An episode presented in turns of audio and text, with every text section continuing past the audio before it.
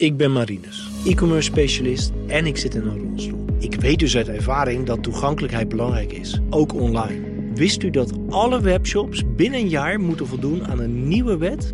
Dat is de Europese toegankelijkheidswet. Dit is een behoorlijke uitdaging. Voor hulp kijk op sqli.com/bnr. Wetenschap vandaag.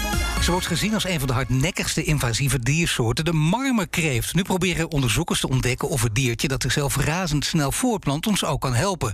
Ja, dat is natuurlijk echt iets voor onze wetenschapsredacteur Carlijn Meinders. Carlijn, eh, dat klinkt niet als een dier met, met een goede reputatie, toch? Nee, nee. Het is echt een plaag. Uh, maar wel eentje die onderzoekers al jaren met veel interesse bestuderen.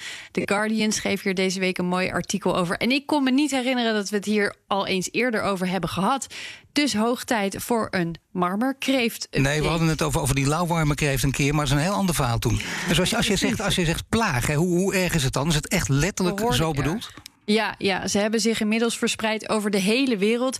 Terwijl het ooit begon met één oermoeder, een afstammeling van de Noord-Amerikaanse rivierkreeft. Die moeder kwam in 1995 via een dierenmarkt in Duitsland in een aquarium terecht.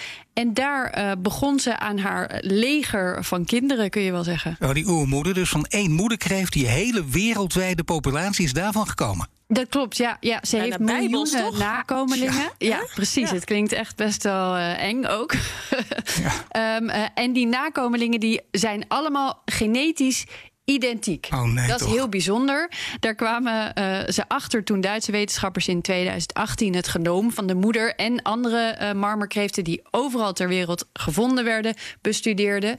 Bijna geen genetische verschillen. Uh, er komen bij de voortplanting van dit dier overigens geen mannen kijken. Dat kan ze helemaal zelf. Oh, dat is meegenomen. Ja, parthenogenese heet het. Eigenlijk is het een soort klonen gewoon.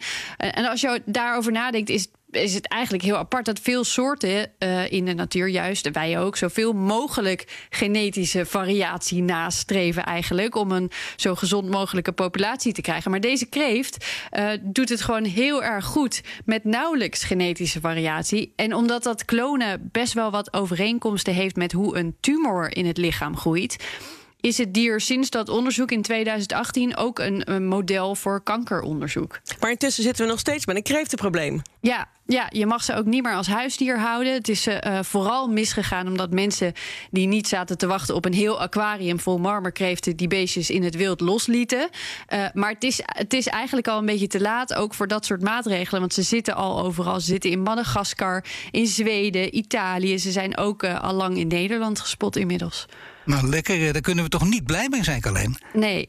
Nee, nee, nee. nee. Het, uh, het dier is uh, net, overigens, net zoals uh, veel invasieve soorten niet goed voor bestaande ecosystemen.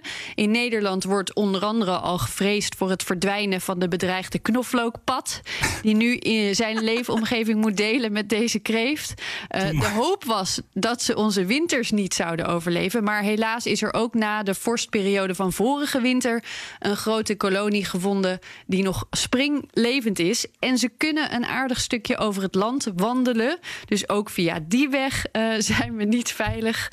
Uh, en ze kunnen graven. Dus ze slopen ook nog eens een hele hoop planten en dingen als dijken. Smaken ze een beetje lekker of niet? Nou, dat uh, vroegen wetenschappers zich ook af, Roos. Uh, het team dat opeten? achter dat genetische ja, onderzoek zat...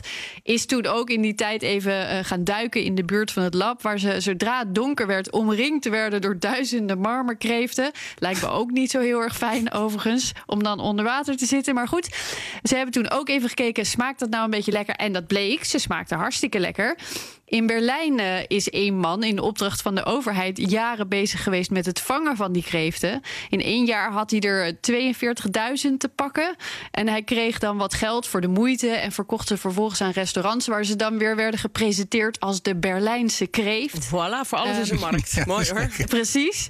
Uh, maar dit creëert ook weer een moeilijke situatie. Want waar vraag is, dan krijg je straks dus dat mensen ze toch weer zelf gaan fokken. Nee. Waardoor het probleem alleen maar groter dat wordt. moet je dan dus, gewoon even verbieden. Ja, die, die vergoeding is ook al wat minder aantrekkelijk gemaakt, oh. vertelde die man aan The Guardian. Maar ja, de vraag blijft ook wel dan, Carlijn, kunnen we het tegenop eten? Ja, Wij dat met is allen. eigenlijk de vraag. Ja. En op plekken waar eten schaars is of onbetaalbaar voor een deel van de bevolking bijvoorbeeld, zou het zelfs nog een probleem kunnen oplossen dat ze er zijn.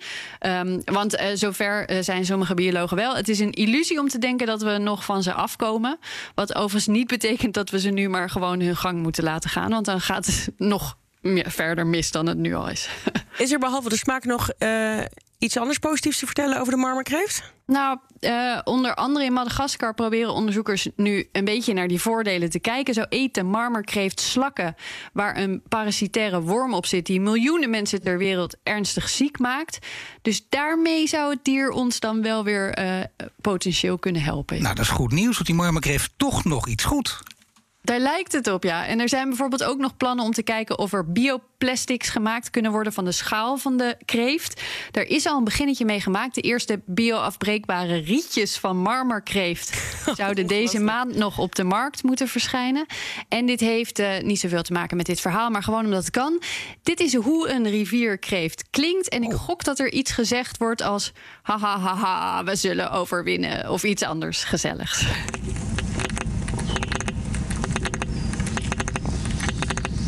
Ja, nee, dat precies. Ja, dat, dat, wat Ik weet niet, ik heb dacht, ik ook. Ja. ik heb ze afgelopen zomer al mas gevangen.